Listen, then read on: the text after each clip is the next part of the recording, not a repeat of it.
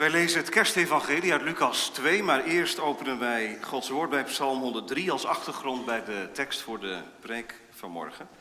Psalm 103, vers 1 tot en met 5 en 20 tot en met 22. Dus Psalm 103, vers 1 tot en met 5 en 20 tot en met 22, de achtergrond voor de tekst voor de preek.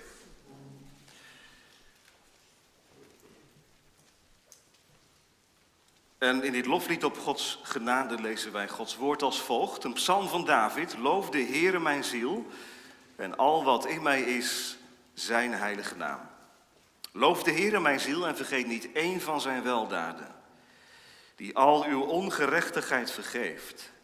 Die al uw ziekten geneest. Die uw leven verlost van het verderf. Die u kroont met goede tierenheid en barmhartigheid die uw mond verzadigt met het goede, uw jeugd vernieuwt als die van een arend.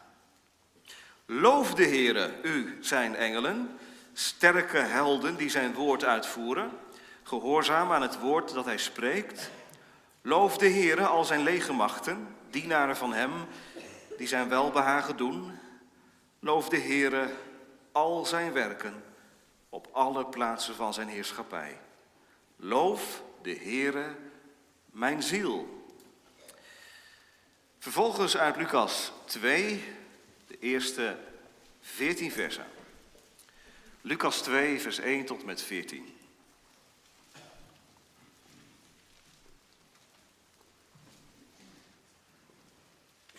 En het geschiedde in die dagen dat er een gebod uitging van keizer Augustus dat heel de wereld ingeschreven moest worden.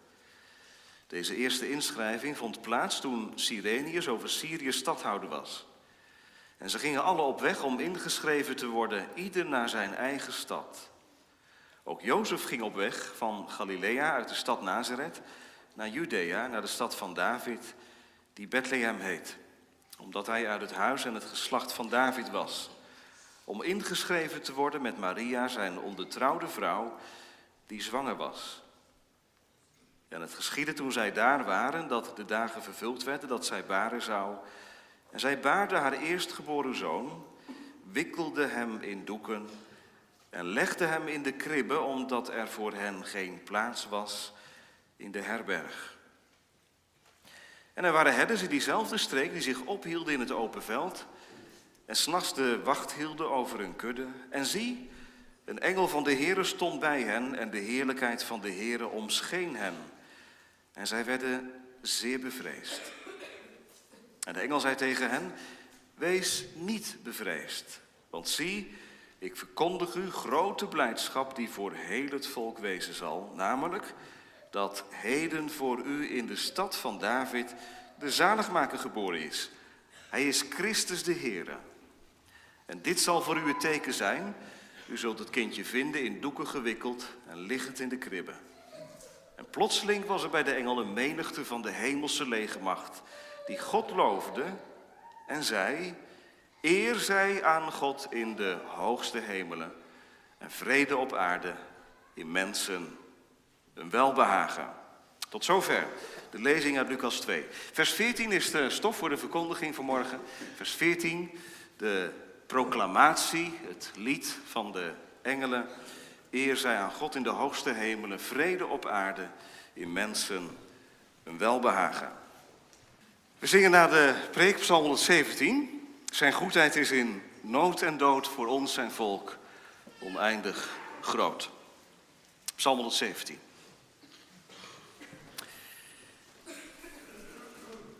Lucas 2, vers 14. Eer zij aan God in de hoogste hemelen, vrede op aarde in mensen een welbehagen. Boven de preek staat geschreven hemel op aarde. Hemel op aarde. We letten op drie gedachten. Allereerst glorie aan God als het eerste deel. Eer zij aan God in de hoogste hemelen. In de tweede plaats vrede van God, vrede op aarde. En tot slot bewogenheid in God, in de mensen welbehagen. Hemel op aarde. Glorie aan God. Vrede van God. Bewogenheid in God. Allereerst glorie aan God. Weet deze week ben ik naar een prachtig concert geweest.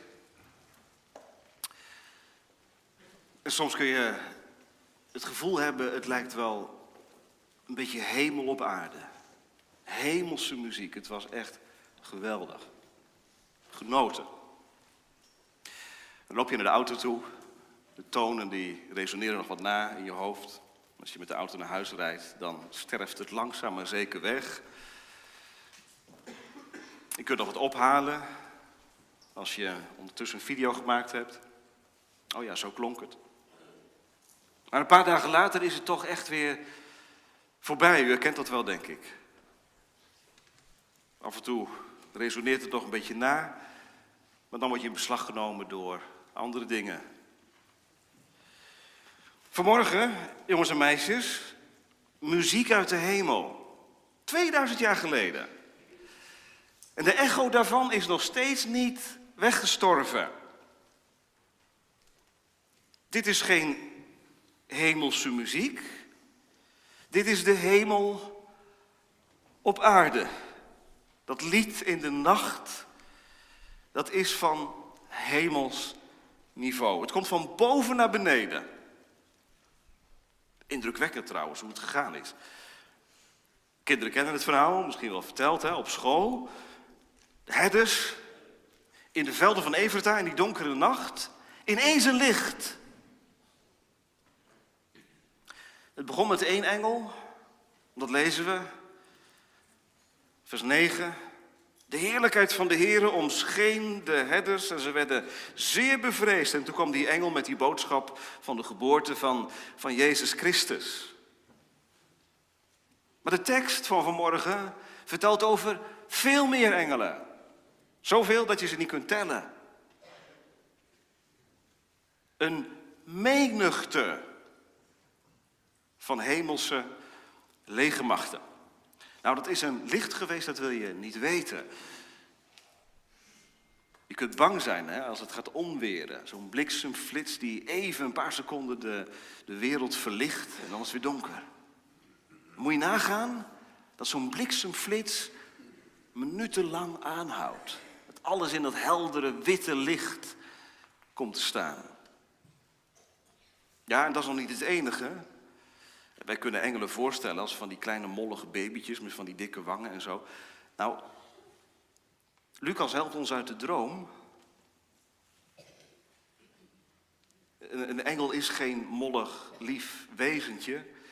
Het gaat hier over een, vers 13, een menigte van de hemelse legermacht. Je moet eerder denken aan, aan een militaire divisie, aan, aan strijdbare helden. Helden van grote kracht, zo zingt de psalm er ook over, hè? psalm 103. Legermachten, dat denk je aan een soldatenleger. En daar moeten we inderdaad ook aan denken vanmorgen. Want vers 14, ik heb het even lied genoemd. Nou, er is nog wel discussie over. Hè. Ze hebben de engelen wel gezongen. Er staat toch. De engel zei, de engelen zeiden, ze loofden God en ze zeiden inderdaad, het gaat hier denk ik meer om, om het skanderen, het uitroepen, het uitzingen. Maar ja, denk ik dan, dit kun je toch niet monotoon overbrengen? Toch? Hier moet toch een melodie in gezeten hebben? Ere zij aan God, vrede op aarde, in mensen welbehagen. We mogen het zo zien. Deze engelen, vormen de erewacht voor koning Jezus en brengen in deze nacht een eresaluut aan de geboren koning. Zo mag je dat lied, die symfonie van de engelen, bekijken. Het bestaat uit drie delen. Die drie delen gaan we met elkaar langs. Die proclamatie van de engelen. Geweldig. Er zit boodschap in. Er zit een boodschap in voor vandaag. Het is niet alleen maar toekomstmuziek dit gaat een keer gebeuren. Nee, dit is zo. En deze melodie Dit lied is erop uit om vanmorgen mee te gaan zingen. Engelen houden van zingen. Wist u dat? Al voordat de wereld er was, zongen ze. Lees maar na, Job 38. Engelen zongen. En hier lezen we opnieuw heel duidelijk in de schrift dat ze hun monden openen en dat de aarde het hoort. Waarom? Waarom zingen ze? Dit is gemeente de onderstreping van het feit. Lucas 2 bestaat uit het feit en uit het lied erbij. Nou, het feit, dat is duidelijk, hè? vers 7. De zoon is geboren. Hij is in de kribbe gelegd. Maar nu komt het lied. Het eresaluut. Bij dat feit. En dat is tegelijk een aanklacht. Want op aarde blijft het stil. Er zijn geen mensen die gaan zingen. De hemel wordt geopend. De herden staan als verstomd en de hemel gaat spreken. Wat een aanklacht, hè? Ik vind dat een aanklacht, vind je niet? Ik bedoel, waar heb ik de mond niet vol van? Ik, u, jij? Waar praten we niet over? Waar zingen we niet over? Engelen, die zijn echt God gericht. Die zijn vol van God. En hun mond stroomt ervan over. Ze eren God. Dat woord wordt gebruikt in het Grieks voor eren, doxa, heerlijkheid. Ze brengen de eer aan God. Ze roepen zijn glorie uit. En iemand vraagt vanmorgen, ja, maar is dat wel nodig dan, dat God geëerd wordt? Ik bedoel, God is toch zalig in zichzelf? Kunnen wij God dan meer eer geven? God is zalig in zichzelf, heerlijk in zichzelf, dat is waar. Maar waarom heeft God mensen gemaakt? Hij heeft ze gemaakt omdat hij de pure vreugde in had om ze te maken. En ook om hen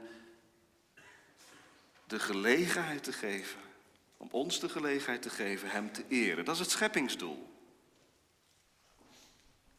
Jij bent geschapen, ik ben gemaakt om mijn schepper te eren. Loof de Heere, mijn ziel.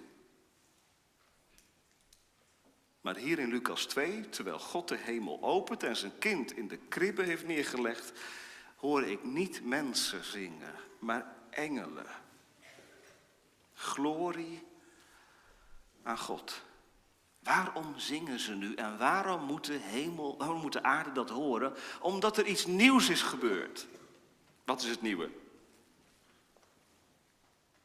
Het nieuwe is dat er toegang is, rechtstreeks de toegang tot God. Daarom zingen wij en lezen wij eer aan God. God heeft de toegang gebaand. God. Denk even na, gemeente. God, de heilige, de heerlijke. De God die in het Oude Testament bekend stond als de God bij wie je vandaan moest blijven. Daar kwam je niet zomaar even binnen. Hooguit de hoge priester, één keer per jaar, die mocht het heilige der heiligen binnen. Maar het was omgeven met allemaal wetten en regels. God was verzengend en heerlijk. Wij lezen in het Oude Testament, God is kaboot. Heerlijk. Dat is het Hebreeuwse woord voor doxa, wat hier gebruikt wordt. God is zwaar gewicht in heerlijkheid. Ik kan niet bestaan voor hem. Komt door de zonde. Ik ben een in mijzelf gekeerd mens geworden. Want om iemand te eren moet je uit je kokon tevoorschijn komen. Moet je uit jezelf komen. Moet je iemand zien staan. Maar ik ben in mezelf gebogen. Kinderen, kijk eens naar mij. Kijk eens wat ik doe. Ik, ik, ik doe dit. Dit zijn wij. Zo komen wij ter wereld. We zijn helemaal op onszelf gericht. ons eigen wereldje. Ons eigen imperium. Daar gaat het om. Het draait allemaal om mij. Eer aan God.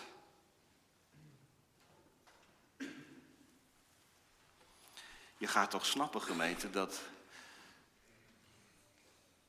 dat dominees het kerstevangelie in de wensende zin gaan brengen, toch? Ere zij aan God. U zegt, ja, dat staat er ook. Nee, het staat er niet. Het staat cursief. Het staat er niet. Er staat niet ere zij aan God. Er staat eer aan God. De engelen hebben het niet gewenst, de engelen hebben het geproclameerd, gezegd. Wij maken er een wens van, want ja, het komt er toch niet van bij ons vandaan. En toch staat het er als een proclamatie. En we laten het staan vanmorgen. Ook al zijn we zo op onszelf gericht. Glorie aan God. Wij vallen er helemaal buiten, gemeente. De engelen zingen. En wij zijn stil. Zij vormen een koor. Wat God verheerlijkt in de hoge. Eer aan God in de hoogste hemel, in de hoogste regionen, in dat heelal. Alles zingt Gods glorie uit. De begeleiding van Jezus is dit koor van de engelen.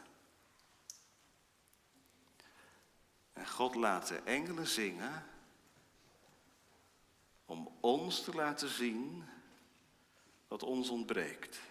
Maar ook om ons uit te nodigen om samen met de engelen te zingen. Want de naam van Jezus, die verenigt hemel en aarde tezamen.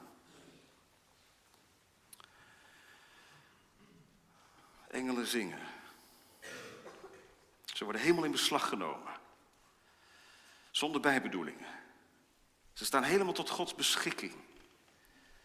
Ze zijn extatisch van vreugde. En wij. We hebben Psalm 103 gelezen. En Psalm 103 eindigt met... Loof hem bovenal, mijn ziel. Er staat niet, als je eraan toe bent vanmorgen op eerste kerstdag 2022, voeg je dan bij het koor van de engelen en zing mee. Je wordt ertoe opgeroepen. Loof de Heere. Glorie aan God. Ik zeg dus vanmorgen niet, wat zou het groot zijn als het zo mocht zijn bij u.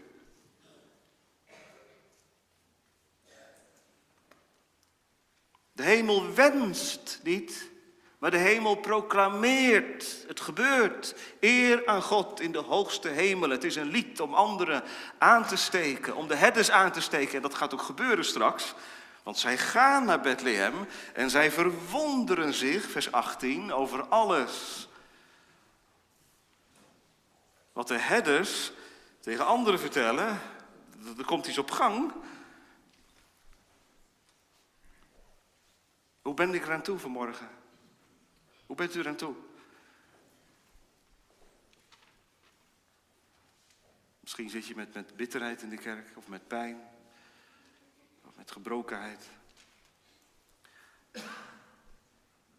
Of je hebt gewoon geen gevoel bij kerst. Iemand anders zegt, dominee, hoe kun je zingen in zo'n land waarin we wonen? Hoe kun je nog zingen glorie aan God in een wereld die uit haar voegen barst van geweld. En dan hoor ik Jezaja. Ik heb mij een volk geformeerd. Zij zullen mijn lof verkondigen. Het gaat gebeuren. Hier in Nigeria, in China, we worden erin betrokken vanmorgen. Ja, zegt u. klinkt allemaal zo hoog en zo ver weg. Je wordt erin betrokken vanmorgen, ik zeg het je. Je wordt erin betrokken, je hoort het vanmorgen. Eer aan God in de hoogste hemelen. Ja, maar ik, ik aarzel, zegt iemand. Ik, ik, ik, ik kan dat niet zomaar zeggen. Laat staan zingen. Nou, luister dan door. Het tweede couplet van deze symfonie. Vrede op aarde. We staan stil bij vrede van God. Vrede. Dat woord heeft een hele, hele brede klank. Irene, Irene. Je kunt er alle kanten mee op. Je kunt het hebben over wereldvrede. Je kunt het hebben over um, vrede met jezelf. In harmonie met jezelf leven. Je kunt het hebben over vrede in relaties. En daar verlangen we naar, hè? Naar heelheid, naar gebrokenheid, naar uh, ongebrokenheid. Want er gaat zoveel mis. Maar het is allemaal nog horizontaal.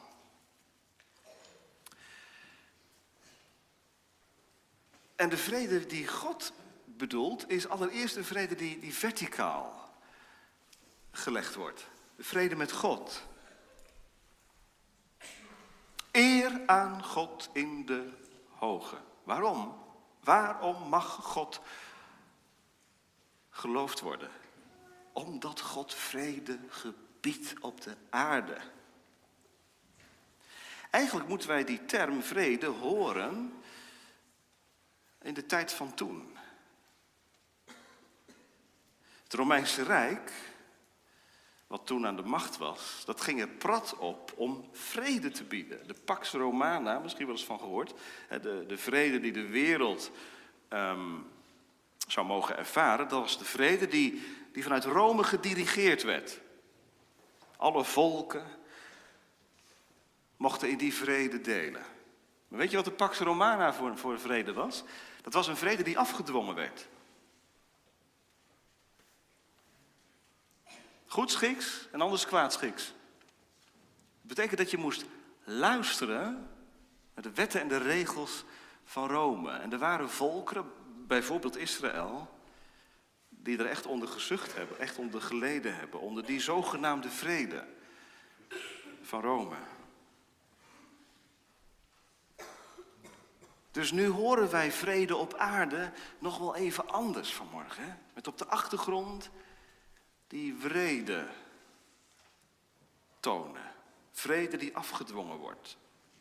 Slikken. Barsten of buigen. En dan zegt God, ik heb vrede. Hoe dan? Ik zend mijn zoon. En ik vraag even aan de kinderen, hoe wordt de Heer Jezus in het Oude Testament genoemd? Weet jij een paar um, benamingen voor de Heer Jezus? Wonderlijk, inderdaad. Raad, klopt. Sterke God, Vader der eeuwigheid. Vredevorst, ik hoor hem. Vredevorst, dat is het. Jezus is de vorst, de koning van de vrede. Ik kan de vrede met God niet sluiten, maar God zegt, ik ga vrede sluiten. Hoe doet hij dat? Door zelf te komen in een gebied waar oorlog is, de wereld, waar gestreden wordt om het recht van de sterkste, waar mensen elkaar naar het leven staan, waar internationale comité's bezig zijn om vrede te bewerken tussen landen. Weet je, jonge mensen, hij komt ook tussen jullie staan hè, vanmorgen. Als je met zo'n vermoeid gevoel loopt, dat je denkt, hoe moet het verder? Het oude jaar uit, het nieuwe jaar in, ik ben zo moe van alles. Dan zegt God tegen je, maar ik bied je vrede aan. Mijn zoon is de vredevorst. Onrustig is je hart. Tot het rust vindt in God. Over onrust gesproken, er zitten wel meer mensen die met onrust in de kerk zitten. Omdat je de geestelijke maat niet haalt. Omdat je last hebt van je zonde. Omdat je twijfelt. Zegt er iemand, wat haalt dat allemaal uit? Ik zit vanmorgen in de kerk, ik luister ernaar en ik denk, mooi hoor, het zijn allemaal klanken. Die sterven uiteindelijk allemaal weg. Wat heeft het nou opgeleverd, zegt de jongen, 2000 jaar geleden dat Gods zoon. Wat heeft het opgeleverd? Moest kijken wat een puinhoop het is in de wereld, in mijn familie, op school. Over datzelfde liedje. Ellende, ruzie, oneenigheid. Wat heeft het opgeleverd? Nou, sowieso een ontelbare rij van mensen, jong en oud, klein en groot, voor wie deze vrede hun leven werd. De liefde die in Jezus Christus aan het licht kwam, is de vrede met God. God legt zijn zoon in een kribbe. Straks laat hij hem hangen aan het kruis.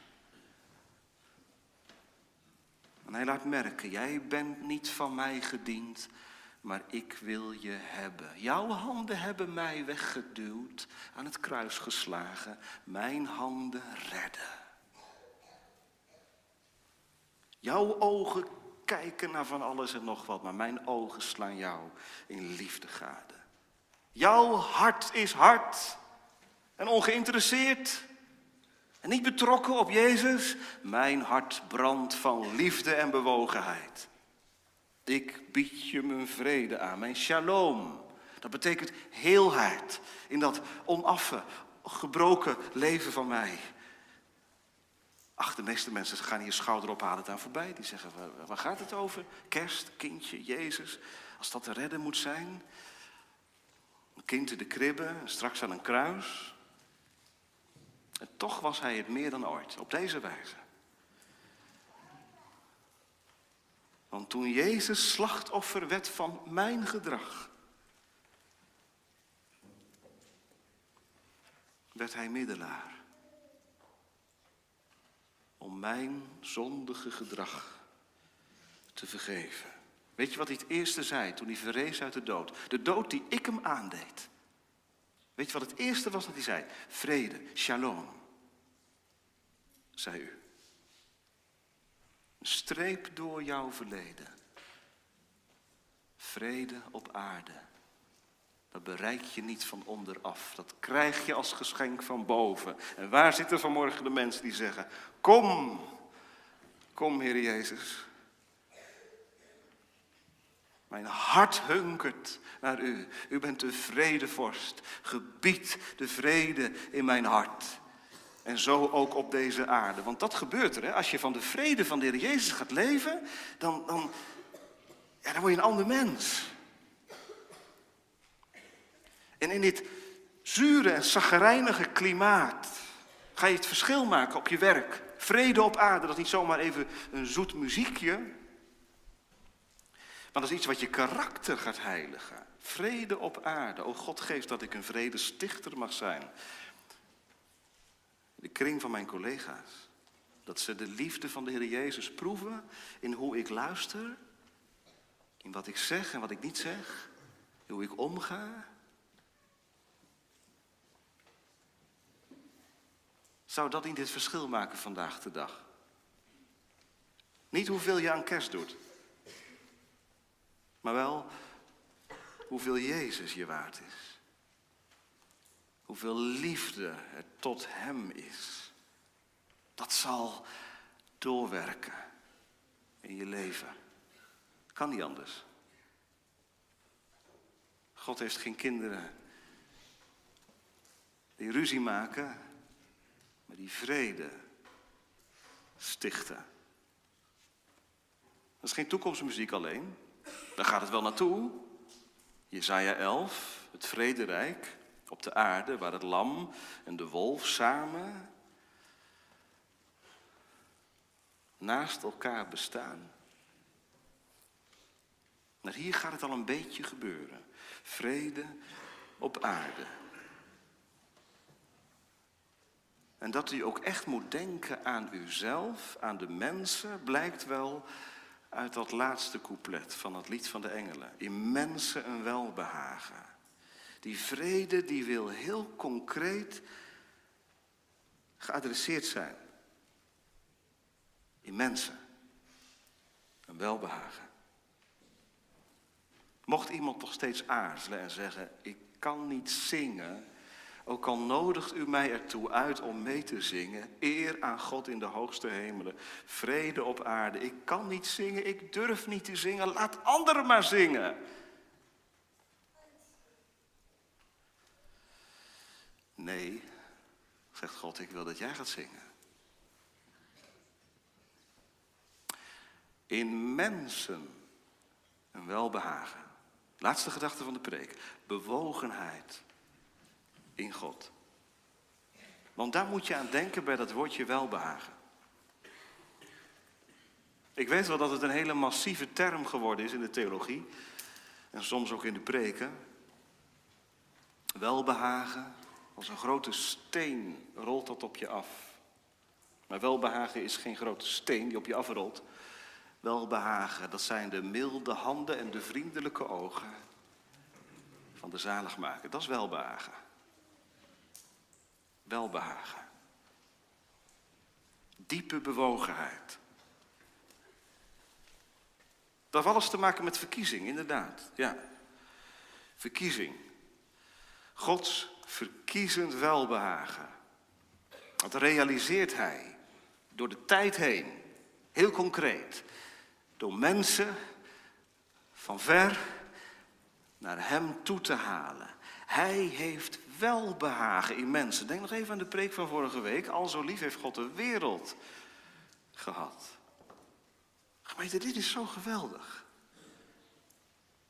Ik weet niet hoe u heen leefde naar deze dag, maar je kunt het gevoel hebben dat je heel goed je best moet doen in de aanloop naar de kerst om een beetje gevoel te krijgen voor het kerstevangelie. Wij doen ons best om enig behagen in God te krijgen.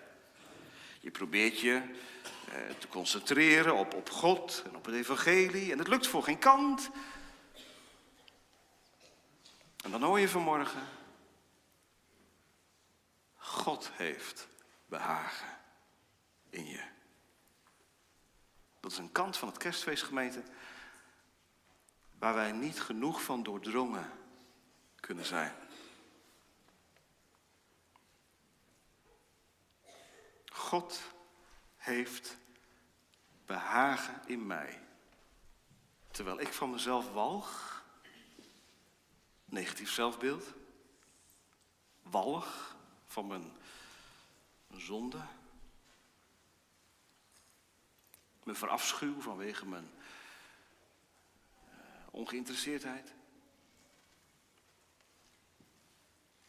Weet u waarom deze engelen dat zingen?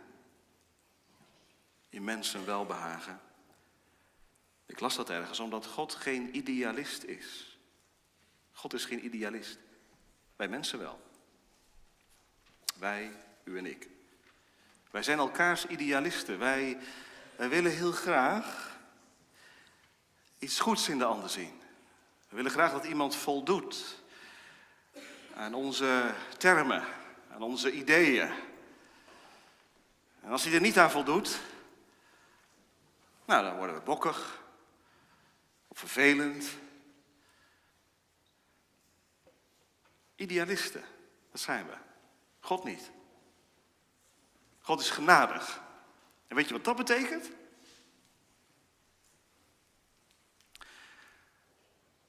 Dat God niet iets in mij ziet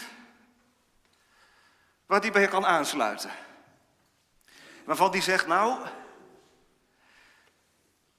die jongen, die man, die was ongeïnteresseerd, maar hij heeft zich opgewerkt tot iemand die bij mij kan horen. Nee, God is genadig. God ontfermt zich in grote bewogenheid over mij. Niet omdat hij iets in mij ziet, maar omdat hij iets van mij wil maken. In mensen een welbehagen. Ik voltrek mijn welbehagen aan jou. Dat zegt God tegen je. Hoe doet hij dat? Door geborgenheid in Christus te bieden. Door je vanmorgen uit te nodigen met de herders naar de kribben te gaan. Daar ligt hij. De vredevorst. Vrede voor je hart. Als je geweten je aanklaagt. En je onrustig bent van binnen. Met je ziel onder je arm loopt. Een verscheurd leven leidt. Al je dromen vergaan zijn. Het leven niet zo ideaal is als je dacht dat het zou zijn. Hij is met ontferming bewogen. Dat zingen de engelen. En dat wordt geproclameerd 2000 jaar later. En dat brengt een beweging op gang, jonge mensen. Van christenen. Van mensen die in de Heer Jezus hun, hun heil, hun geluk vinden. Is dat niet voor te stellen? Is ook niet voor te stellen. Ik neem u even mee naar 1968. 1968. Toen was er een astronaut die voor het eerst vanuit de ruimte de aarde zag. En daar maakte hij een foto van. Een hele bekende foto. Google maar een keer. Bill Anders, 1968.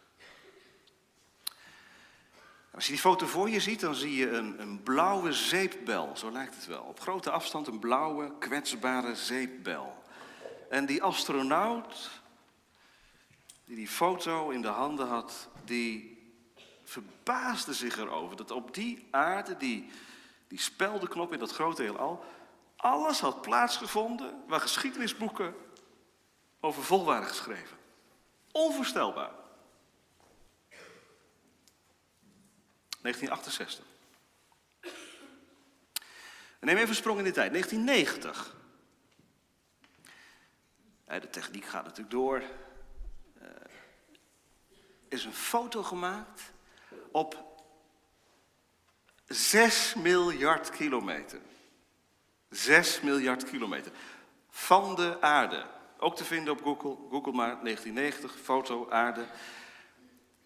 En dan zie je een foto met een paar strepen van het heelal.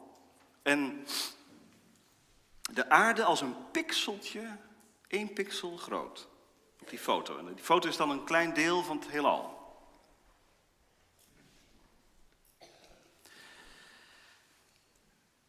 Zoek die foto maar eens op en leg dan dit vers ernaast. Ik heb dat gewoon even gedaan. En bedacht die aarde waarop zich zoveel afspeelt. Die gigantische aarde, waarvan ik 95, wat zeg ik, 38 procent nooit zal zien. Waar zoveel mensen op hebben gewoond. Waar ik een plekje gevonden heb. Die aarde, dat speldenknopje in het heelal. En ik, stofje aan de weegschaal. God zegt tegen mensen op de aarde, op die planeet, in dat overweldigende heelal. Ik heb in mensen een welbehagen. God die de sterren bij naam kent, die de planeten verzorgt, zodat ze rond blijven draaien in hun loop. Die zegt vanmorgen tegen mij, welbehagen. En nu zingen, gemeente. Zingen omdat je het gelooft. Zingen opdat je het gelooft. Engelen gaan je voor. Zeg even de toon aan. En ze zingen met hun oog en hart op God gericht. En de bedoeling is dat de aarde mee gaat doen. Straks zal het gebeuren. Alle knie zal zich buigen. Zing mee, zodat niet straks je laatste woorden verstommen en je met een mond vol tanden staat. Omdat je het aanbod hebt afgeslagen om dit welbehagen van God te geloven. Hemel op aarde, dat was het thema. Weet je wat dat is, hemel op aarde? Dat je aangeraakt wordt door Hemzelf en dat je instemt met het lied van de engelen. Dat is de hemel op aarde, dat is de hemel in je hart.